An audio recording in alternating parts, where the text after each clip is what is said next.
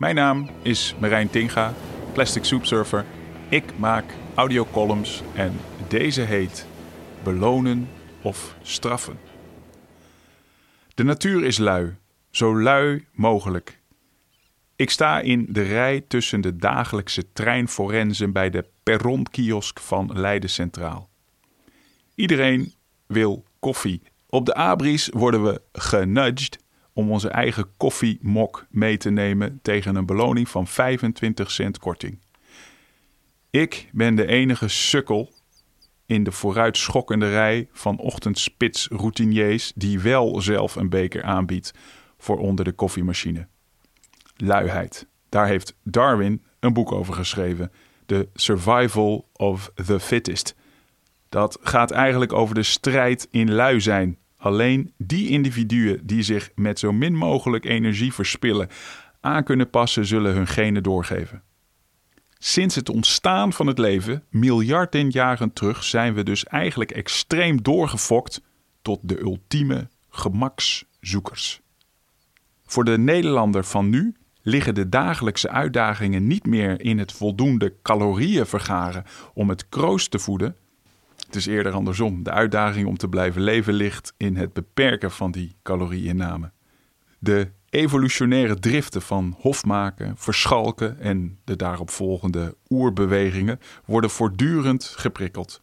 Zelden van treinreiziger tot treinreiziger overigens, want die sluiten zich af met hun schermpjes, maar via advertenties waarop bedrijven hun koopwaar aanbieden, met als doel geld verdienen waarmee ze gemak en comfort, ofwel luiheid, aan kunnen schaffen. En mocht het toch tot een fysieke affaire komen tussen twee ochtendspitsreizigers, dan is de kans groot dat de genenoverdracht stuit op een laagje latex bij de baarmoedermond of dat de genencapsules aan gruzelementen slaan op de door chemische oorlogsvoering dor en kaal gemaakte baarkamers. De rituele handelingen voorafgaand aan de reproductie, daar geven we ons maar al te graag aan over. Maar het tot wasdom brengen van diegene zelf, daar zijn we te lui voor. Maar goed, ik dwaal af. Dus, dus, wij zijn gemakzoekers. Als het even kan, kiezen we voor het goedkoopste en het gemakkelijkste.